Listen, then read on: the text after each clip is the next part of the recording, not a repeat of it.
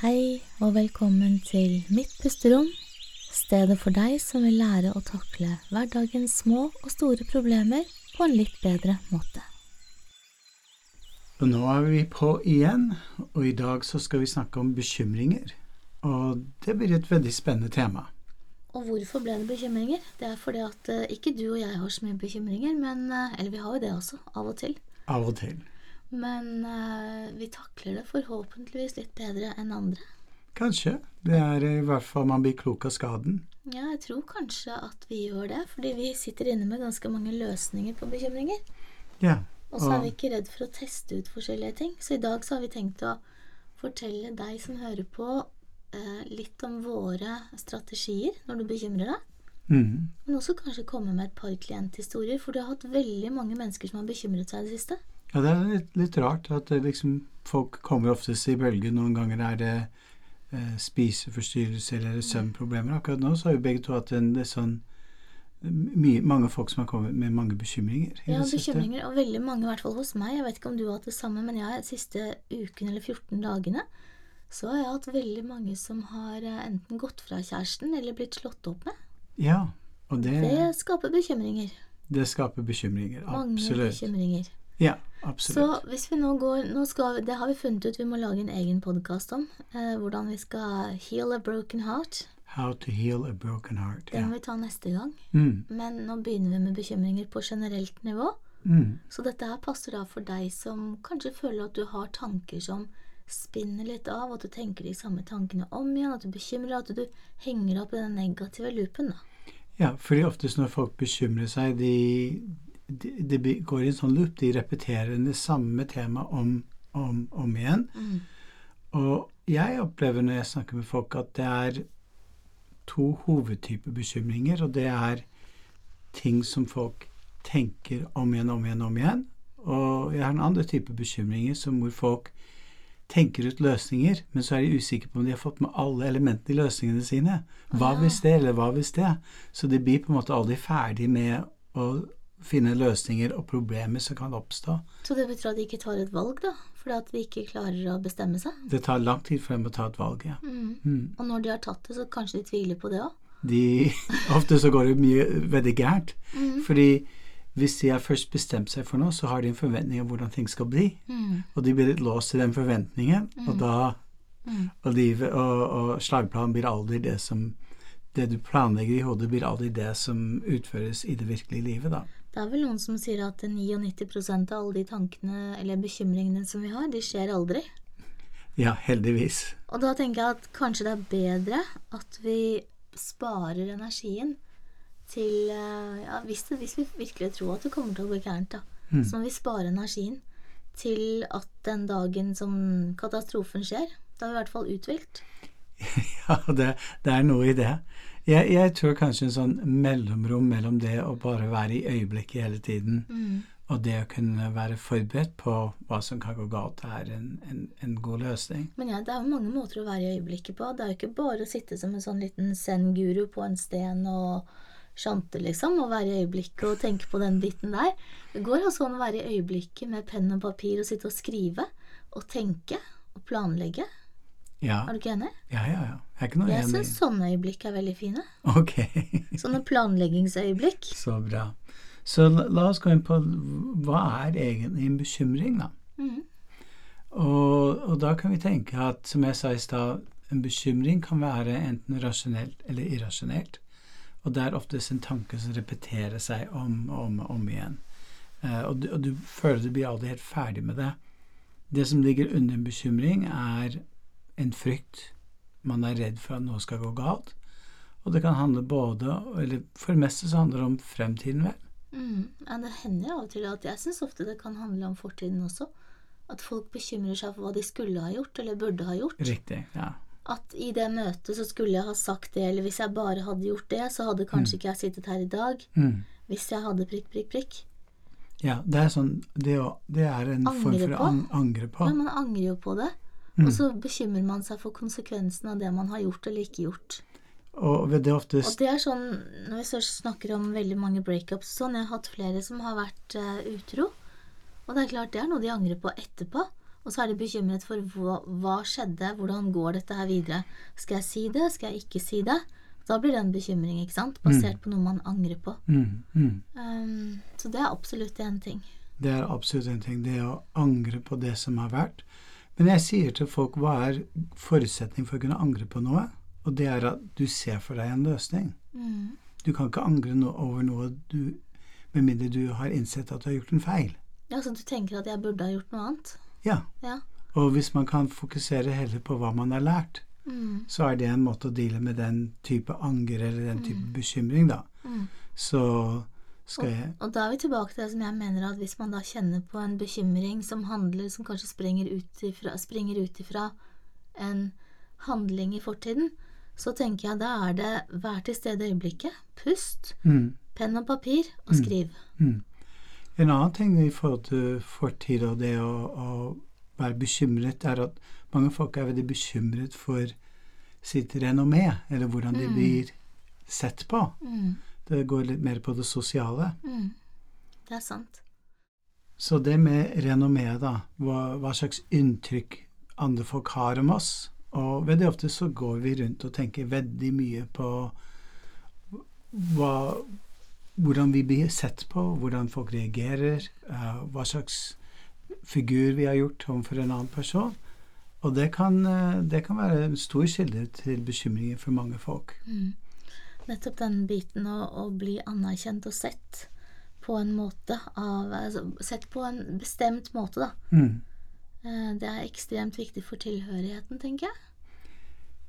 Og bekymringer er også en form for å prøve å få kontroll. Mm. Fordi når mennesker har en uro eller en angst i bunn, så, så vil det gjøre at de ønsker å få kontroll, og derfor er det å få andre folk til å tenke positivt om dem veldig viktig. Det å ordlegge seg på en bestemt måte veldig viktig. Det å oppføre seg på en bestemt måte veldig viktig. Det å bekymre seg er jo en del av livet. Tror du det er noen som slipper unna bekymringer i det hele tatt? Som aldri er bekymret?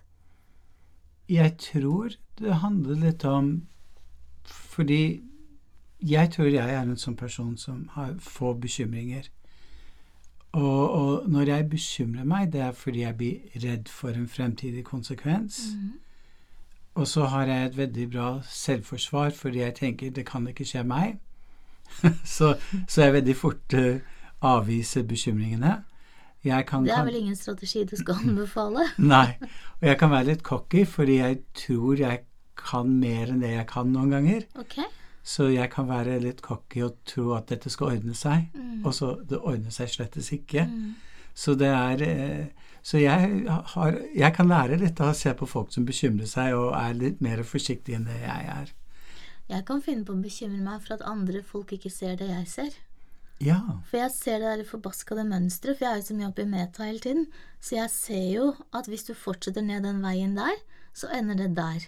Mm. Og hvis du fortsetter ned den stien der, så ender du ut i Jeg vet ikke, jeg, på en klippe som ender ut i havet. Som Altså, jeg ser veldig klart eh, hvor det neste steget kan ende, da.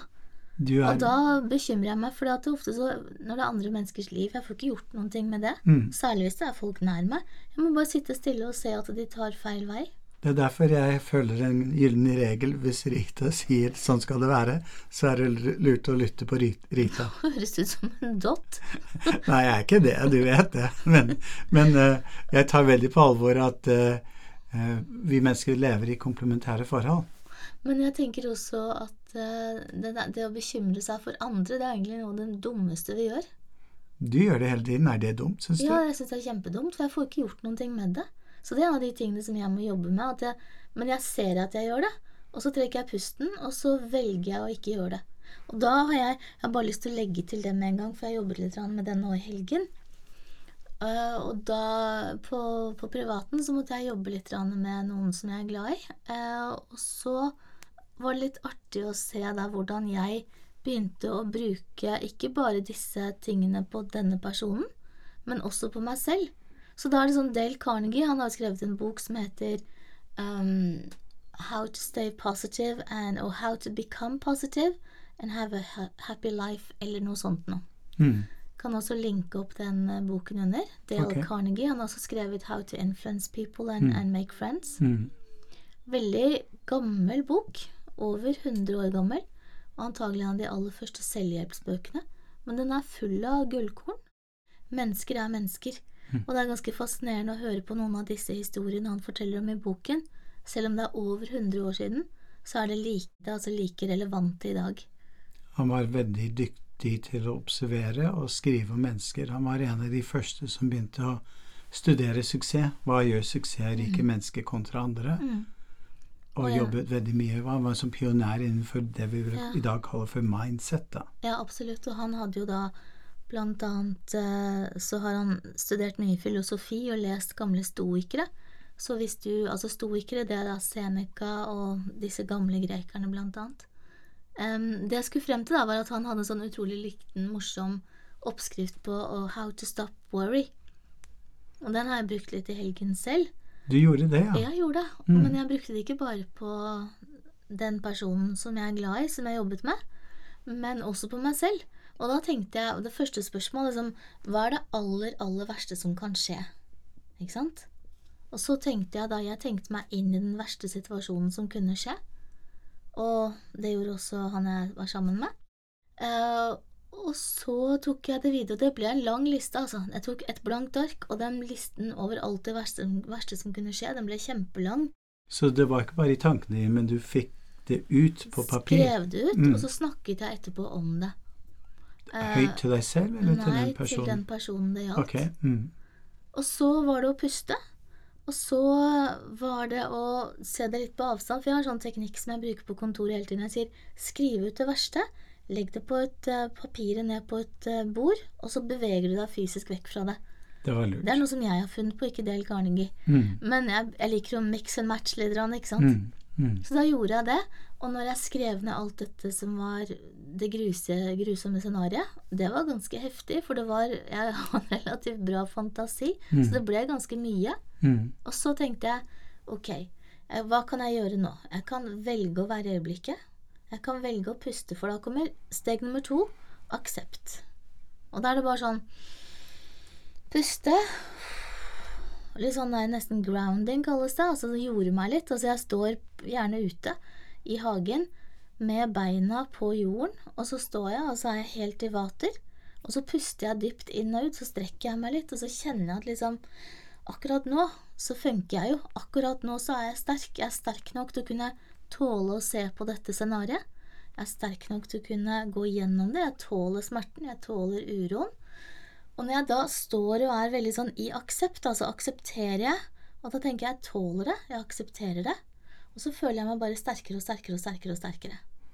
Når du sier ordet aksept, mm. hvordan vil du definere det egentlig? Gi slipp på det du ikke kan eh, kontrollere, Ok. kanskje. Gjør det enkelt. Noen mennesker blir forvirret når jeg introduserer ordet aksept, for de tror det betyr å gi opp. Nei, nei, nei. Det, det er ikke det jeg tenker. Nei. Men jeg tenker at igjen som vi var tilbake til i stad, hvis jeg har begrenset med energi, og det har vi for så vidt alle, Mm. hvor velger jeg å legge fokuset mitt? Og jeg vil ikke legge fokuset mitt på bare de tingene jeg ikke kan kontrollere, for da ender jeg opp totalt utslitt. Og da vil jeg jo faktisk ikke få Da vil jeg ikke være klar om den verste dagen skjer. Enig. Så, så det er tilbake til dette at jeg, jeg tenker litt sånn energi Altså konservere energien. Og da Så aksept for meg handler ikke om å gi opp, det handler bare om å, å ta et metaperspektiv og tenke hva kan jeg kontrollere, og hva kan jeg ikke kontrollere, og så velger jeg fokuset mitt på det som jeg kan gjøre noe med etterpå. Jeg sier til folk en måte å tenke på aksept fra et kognitivt perspektiv er å bare si aksept betyr å bare anerkjenne at sånn er det akkurat nå. Det betyr ikke at det ikke kan endre seg. Ikke sant? Og en annen ting med aksept, hvis du ser det fra et nevrofysiologisk perspektiv, er at veldig oftest bekymringer kan bli irrasjonelle. De kan hente inn hverandre, du ender opp i en ond sirkel.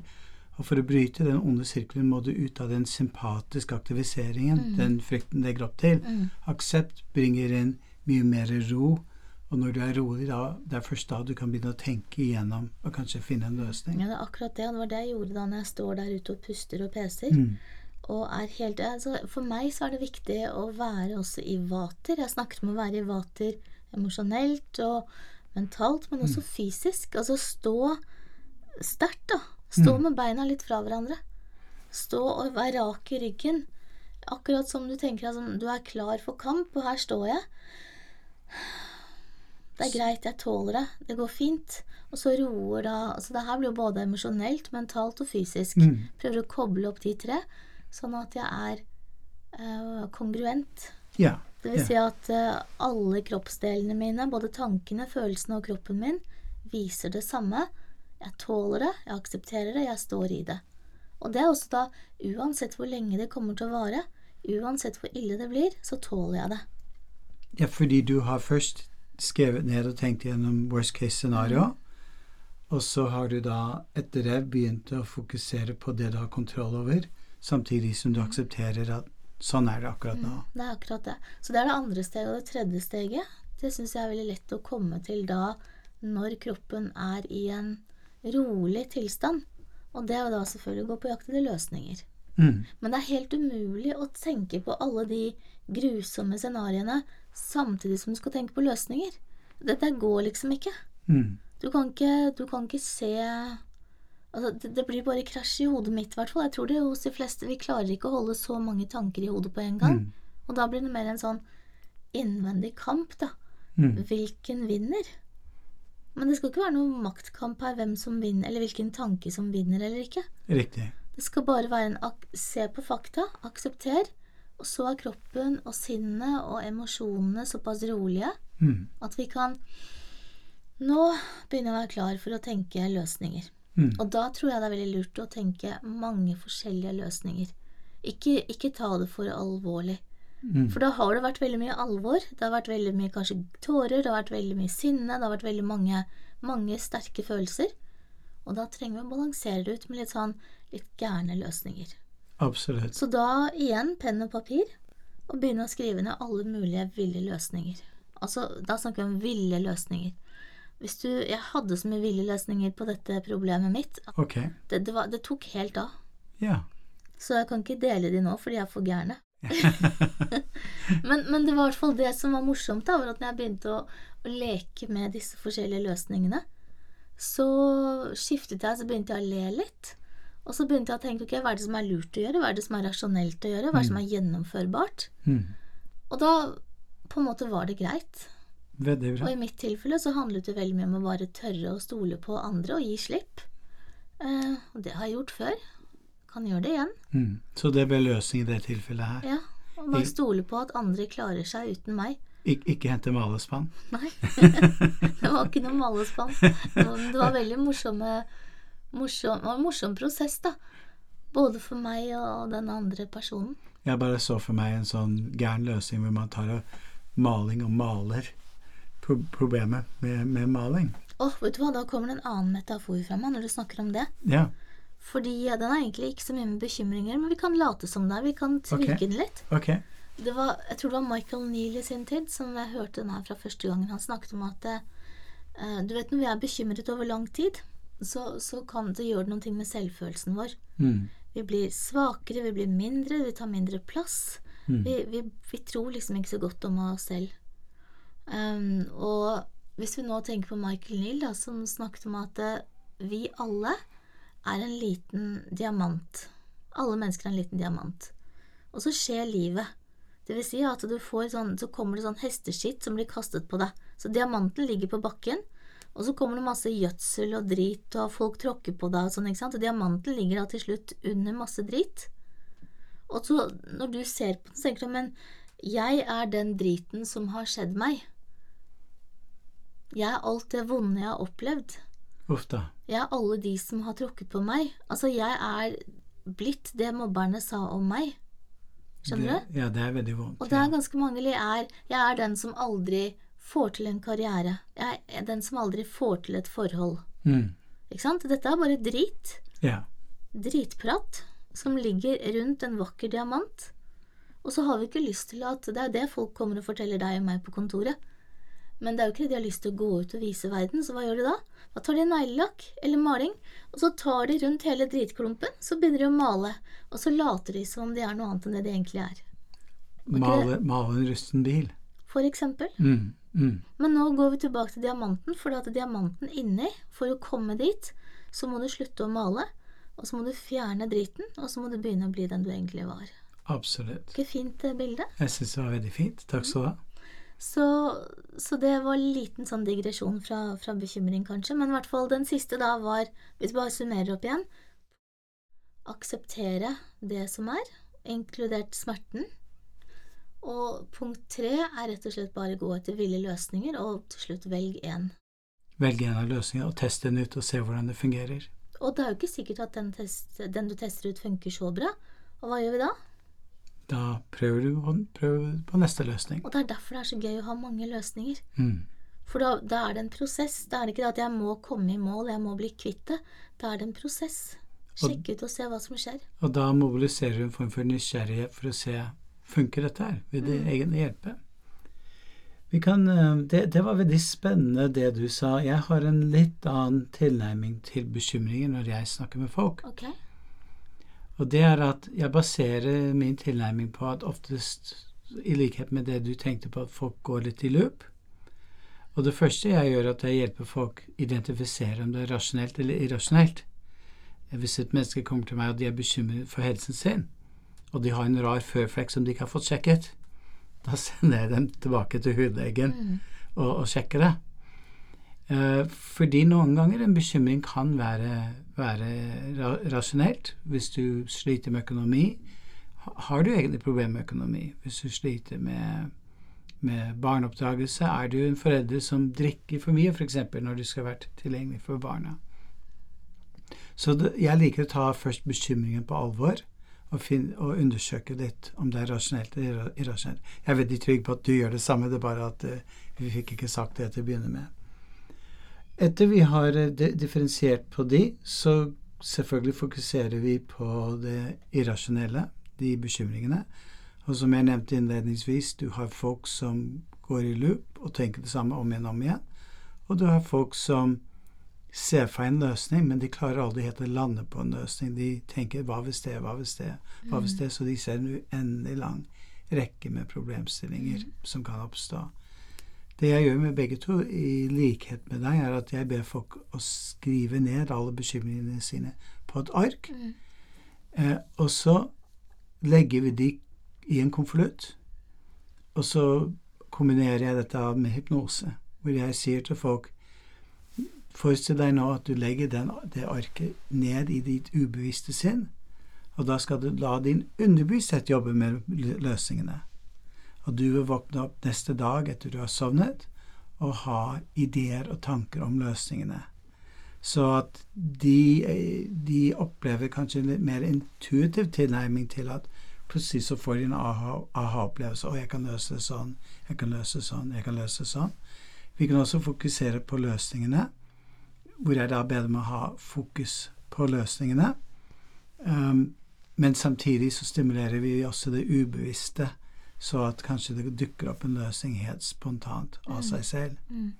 For det er ofte noe som jeg ser skjer når folk begynner å snakke med enten deg eller meg, og vi kanskje kombinerer med litt hypnose. Og jeg bruker jo ofte også hypnotisk språkføring.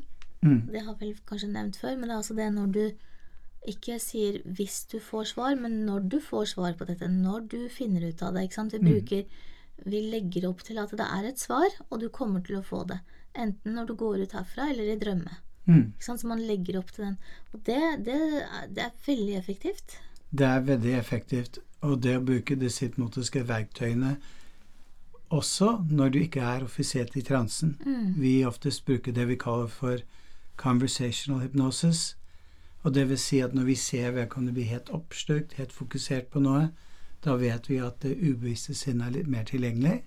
Og da kan vi komme med suggesjoner og ideer og føringer, metaforer, bilder osv. for å påvirke vedkommende til å eh, f.eks. få en større aksept for disse bekymringene de eventuelt har. Det er litt morsomt også, for jeg ser av og til når jeg snakker med folk, så hender det at det, hvis jeg stiller et spørsmål, så du ser nesten at det går et sånn aha opp At de får sånn lite aha-opplevelse. Mm. Et sånn Petter Smart-øyeblikk. Og, så- og da stopper de alltid å prate, og så blir de helt stille. Så han sitter helt stivt, stirrer ut i luften. Og da er det noen sekunder, kanskje, som er, som er utrolig effektive. Og da sier jeg Hva tenker du om det du tenker på nå? Riktig. Og det blir altså en, igjen en hypnotisk sånn, for da plutselig så går de opp i ende, for da er de veldig De er nesten i en transe. Veldig, veldig, veldig, veldig Hva heter det? Susceptible på engelsk? På norsk? Mottagelig. mottagelig. Veldig mottagelige. Mm. Hva tenker du om det du tenker på? Da er det sånn Oi, nå tenker jeg at den tanken bare var tull, for eksempel. Eller jeg liker å stille spørsmål Når du nå tenker over det du bekymrer deg for, Mm. Legg merke til hvordan det føles annerledes nå. Ja, ikke sant? Den er herlig. Og da plutselig så kjenner de på et veldig dypt indre nivå at endring er jo mulig. Og det er bare et lite skift i persepsjonen som før ting slipper. Det er Absolutt. ikke tvil om det. Absolutt. Men det er jo sånn, hvis vi tar litt mer kognitiv tilnærming, jeg liker den måten du gjør det på, men jeg tenker også underveis, da, så i sånn bekymringskaoset Det finnes mange måter å, å sette, altså bremse bekymringer. Og fra et kognitivt perspektiv så er det jo måter å f.eks. spørre seg selv hvor viktig er dette egentlig? Sånn som du snakket om irrasjonelle ting. Hvor reelt er det egentlig? Ja, og det å, å også følge opp med gode motargumenter, Mm. oftest fra, fra et kognitivt terapeutisk perspektiv, så prøver vi å finne gode, solide motargumenter som spiller sjakkmatt på de, de negative tankene man eventuelt har. Ja, og den andre som vi også snakket om for så vidt innledningsvis, altså hvor sannsynlig er det at det her kommer til å skje? Riktig. Uh, hvor sannsynlig er det at du skal feile alle eksamene? Hvor sannsynlig er det at du aldri skal få en kjæreste igjen? Hvor sannsynlig er det at livet ditt er helt over? Absolutt. Og en annen ting i forhold til kognitivt, det er har det noen ganger gått bra før? Mm. Tidligere har du opplevd en lignende, lignende bekymring hvor det har gått bra. Mm, mm, Det er veldig interessant hvordan vi har en tendens til å repetere mm. de samme mønstrene år inn og år ut. Og så er det en del som kommer til meg blant annet som uh, Det kan vi for så vidt ta Helseangst, kan du bare notere deg det? For jeg vil bare skal snakke litt mer om det også. Helseangst som har med bekymringer å gjøre. Ok. Men- Men jeg tenker også det er mange som kommer til meg og, og er veldig opptatt av at eh, eh, de bekymrer seg for at de bekymrer seg. Og de har lest og hørt at dette her er jo eh, Det er nesten det samme som angst for angsten. For de har hørt at det er ikke bra. Immunforsvaret mitt har det ikke bra, ikke sant? Bekymre seg for bekymringen. Det er For at det, da får du den der irrasjonelle biten igjen. Ja. Og, Og det er det samme som eksempel dette med helseangst, som jeg sa. Å og ha stadig bekymringer rundt helsen. Altså, nå har jeg en liten klump her, hva er det? Den føflekken har den endret seg? Litt hes i stemmen, hva kan det være? Hodepine, har sikkert hjernekreft. Altså, i det hele tatt, det er så mange tanker rundt bekymringer og lete etter ting ved kroppen som de kan bekymres over. Hva, hva gjør du helt konkret når folk har helseangst eller bekymrer, bekymrer seg mye rundt uh, helse? ja, det er et veldig stort og spennende eh, et samtaleemne. Så Ja, det må Så vi, vi, kan, ny, ny vi kan bare nevne det veldig fort, og det er når det gjelder helseangst, så ber jeg folk å tenke på hva legen har sagt, Mm, og leve seg inn i hvordan det er å ha gått så mange år på skolen, og den autoriteten og den lærdommen en lege har. Ofte så sier de 'men hva hvis legen har sagt feil?' Eh, Og da sier jeg til dem eh, men du har gått til flere leger som regel. Mener at absolutt alle legene har tatt feil. mm. Så det er, det er et veldig Men det er, for, det er jo det er et kjempestort tema som jeg tror vi må lage en ny podkast om. For nå har jeg plutselig ti spørsmål i hodet mitt med en Ja, gang. ok. Da kommer vi tilbake Men, til men det. det som er i hvert fall som, Hvis vi nå legger den til side og så Noe som jeg gir mening for meg, er at hvis jeg sier ja til bekymringene, hva sier jeg nei til da? Da sier du nei til øyeblikket. Mm. Hvis du sier nei til øyeblikket, da sier du egentlig nei til livet. Da sier du nei til livet. Så det er eh, ganske viktig at vi sier nei til noen bekymringer. Og i hvert fall sier nei til Altså, jeg bruker en annen teknikk også. Jeg sier at folk kan bekymre seg så mye de vil i ti minutter, og så setter de punktum og legger vekk arket. og si at nå er det ti minutter bekymring for dette temaet her. Og så bare pøser de ut alt sammen, og så skriver du ned, legger vekk arket. Av og til så brenner de opp arket. Fysiologisk skifte, gå vekk og si at ok, klappe hendene litt sånn. Ferdig. Nå velger jeg for et fysiologisk perspektiv og snu ryggen til det, og så gjør jeg noe annet. Og da må det andre du gjør, sånn som det er veldig vanskelig å bekymre seg masse samtidig som man holder på med noe som er fysisk vanskelig eller mentalt krevende. Det er nesten ikke mulig, for hjernen er igjen litt begrenset. Det, det minner meg om en historie jeg hadde med en dame mens jeg studerte. Okay? Og hennes mor var en veldig vellykket forretningskvinne.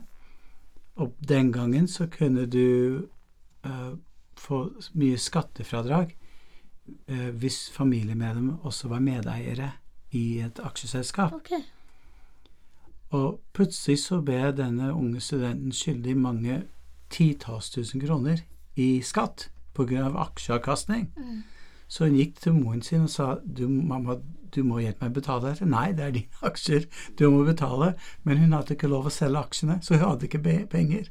Så hun var veldig bekymret, og du kan tenke også det tillitsbruddet i, i tillegg til, Mm. til at mammaen din ikke støtter Det høres ut som en litt låst situasjon, da. Så det jeg gjorde, var at jeg ba henne forestille seg at hun kunne få lov å bekymre seg alt hun kunne, men, og, og, og følte det var viktig, men kun på do. Bare på do. Så hun måtte løpe inn på do når hun ble oppmerksom på at hun begynte å bekymre seg. Ja. Så hun skulle prøve å være bekymringsfri når hun var utenfor doen, og løpe inn på do og sitte på do, dosetet akkurat som hun hadde en slags bekymringsdiaré. Okay. Og, og hvem sitt bilde var i bunnen av doskålen? Det var mamma sitt bilde. Ja. Så hun, hun liksom fikk et sted hvor hun kunne virkelig være sint, lei seg, gråte, få ut alle bekymringene sine. Jeg traff henne flere år etterpå når jeg var psykolog. Hun kom bort og takket meg og sa vet du hva, den dotrikset det var det beste rådet jeg fikk. Det gjorde at jeg kom meg gjennom studiene og, og klarte å bli psykolog til Så flott. Ja. Så det finnes en, do, en psykolog med dotriks der ute et sted? Helt sikkert. Så akkurat det du sa nå minner meg litt om en annen ting som, som jeg har eh, jobbet med annet når folk har mistet noen. Så er det jo Altså, de er i sorg, så det er et eget kapittel, men de har også veldig mye bekymringer for fremtiden. De har veldig mye bekymring for at de er alene. De har bekymring for at kveldene kan bli lange. De kan bekymre seg for penger. Eh, hva skal vi gjøre? Hvordan skal jeg bli invitert når jeg bare er Før var vi alltid par, nå er jeg alene. Ikke sant? Masse bekymringer. Og ofte så kommer jo da bekymringene på kvelden når folk har kommet hjem fra jobb og kanskje setter seg i den sofaen som de har sittet sammen med sin kjære i 20-30-40 år.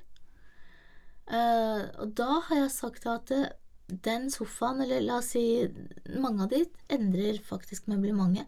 De tar ut den gamle sofaen, og så prøver de å skifte litt for ikke å ha minne om liksom den neds ned nedsittede, gode stolen til eh, kjæresten eller mannen da, gjennom mange år. Så de skal slippe å se på den tomme stolen hele tiden. Så, men enten du skifter møblement eller ikke, så er det veldig viktig å velge å ikke sette seg ned der med tunge tanker. Så jeg har fått utrolig mange til å De setter seg ned i godstolen og kanskje skal se på TV-en eller slappe av litt. Så kommer det en tanke, så med en gang det kommer en bekymringstanke eller en vond tanke eller sorg eller tårer, sprett opp og gjør noe annet. Veldig bra.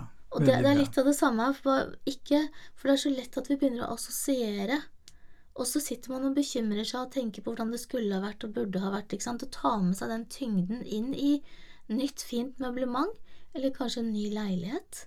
Men bare sprett opp og gjør noe annet. Altså, det er også en måte å si punktum til disse tankene på, da. Du avviser dem litt.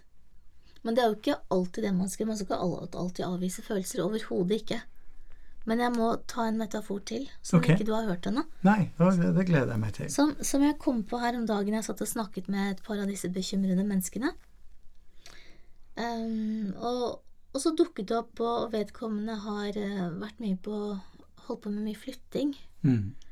Eh, og skal fortsette å flytte en del til, tror jeg. Så for nå er det ting som har skjedd i livet hennes som gjør at hun må flytte igjen. Og så begynte vi å snakke litt sånn praktisk, da. Hvordan får man til en god flytting og sånn, ikke sant. Så sa han ja, men det viktigste, Rita, det er jo liksom at man skriver på boksene, så jeg har mulighet til å finne det igjen etterpå.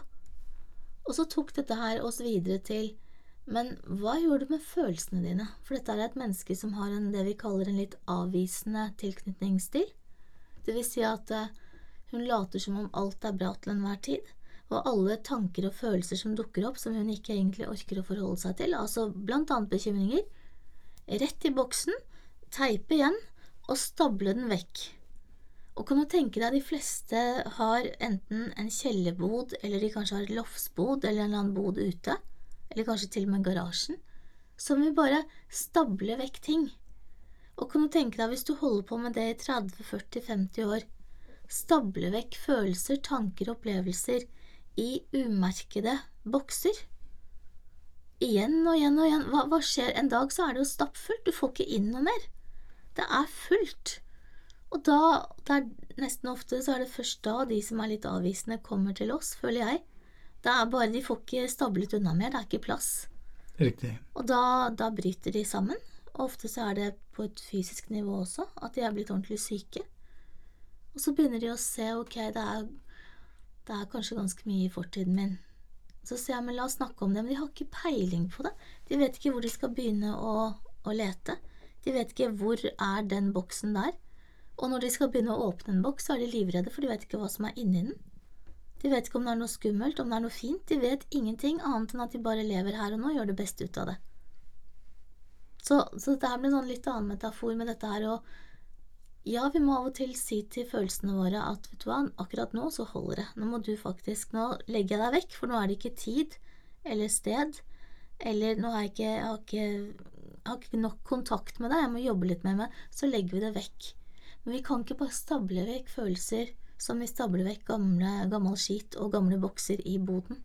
Du må vite når du skal være stoic eller ikke stoic, med andre ord. Mm. Og da tenker jeg nettopp som du sier også, være i øyeblikket, ja, men også kunne planlegge. Ja, veldig enig. Veldig være i øyeblikket, men også kunne se på feil vi har gjort, eller ting vi kanskje angrer på, og så ta med oss læringen og gå tilbake til øyeblikket. Så det er en sånn liten dans, da.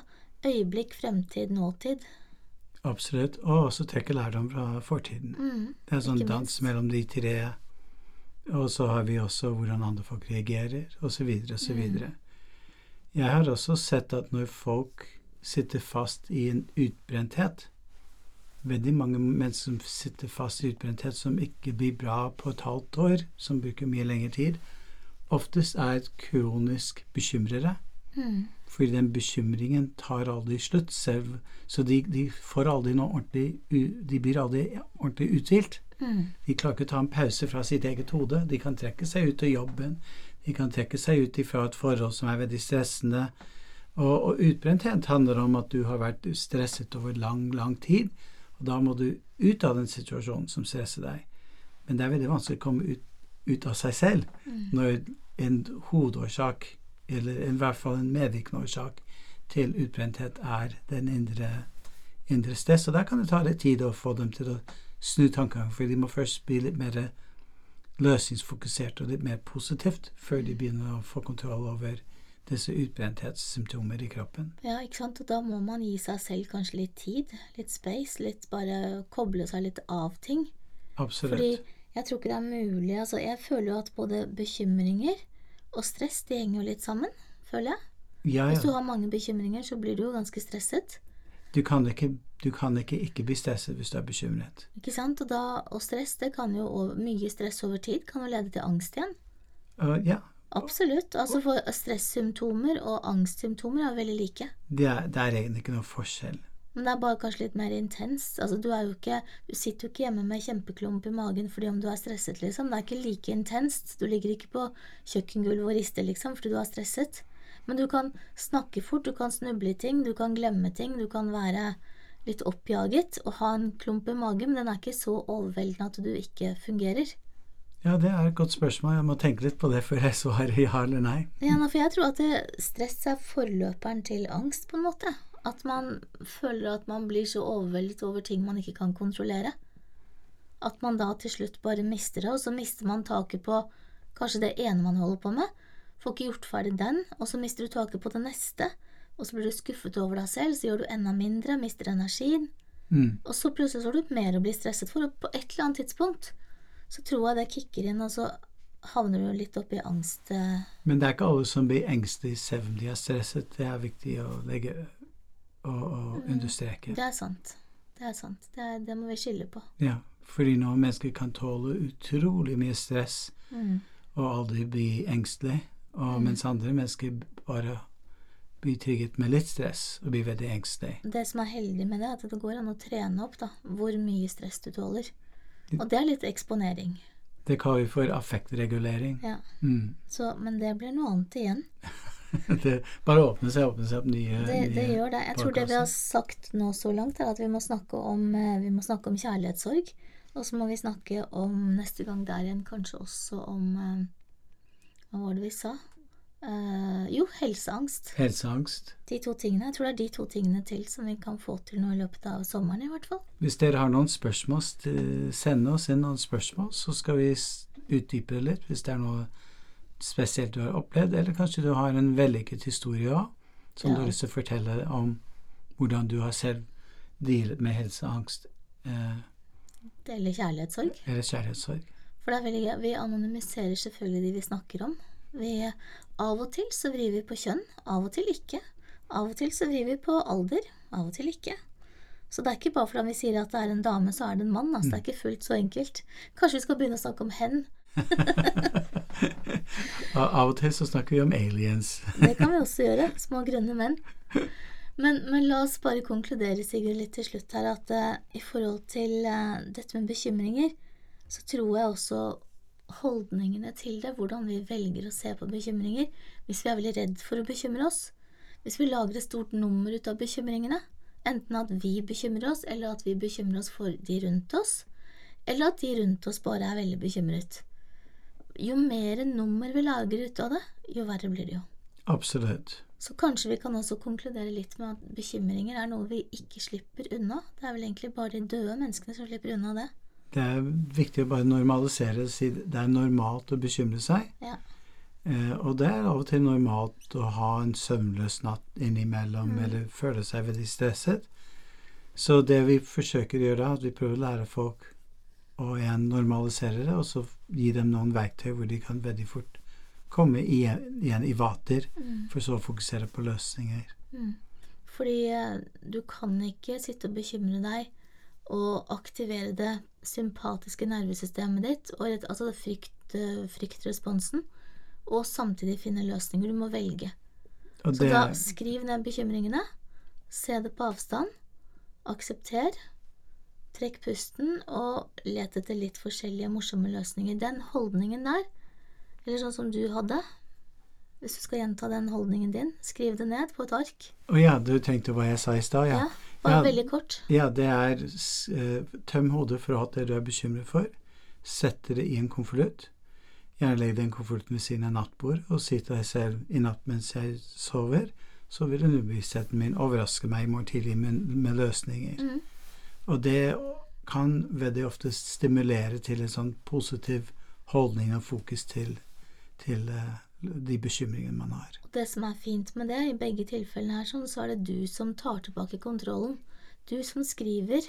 Du velger hva du vil skrive. Du velger løsninger. Du velger å gjøre noe aktivt fysisk med kroppen, med tankene, med følelsene. Mm. Du velger om du skal sette på en Spotify-liste med bare kjærlighetssanger som er triste, eller du velger om du skal tro om det går bra eller ikke. Ikke sant? Når vi skjønner at vi kan velge ganske mye mer, så får vi en følelse av kontroll. Da får vi en følelse av mestring, så får vi litt energi, og så tror jeg vi takler det som måtte skje mye bedre. Og helt avslutningsvis, som vi har snakket om tidligere, hva er det vi mister i hverdagen da, når vi er opptatt av bekymringer, Rita? Ja, vi mister jo livet. Øyeblikket. Vi mister livet og øyeblikket. Det eneste vi har. Alltid.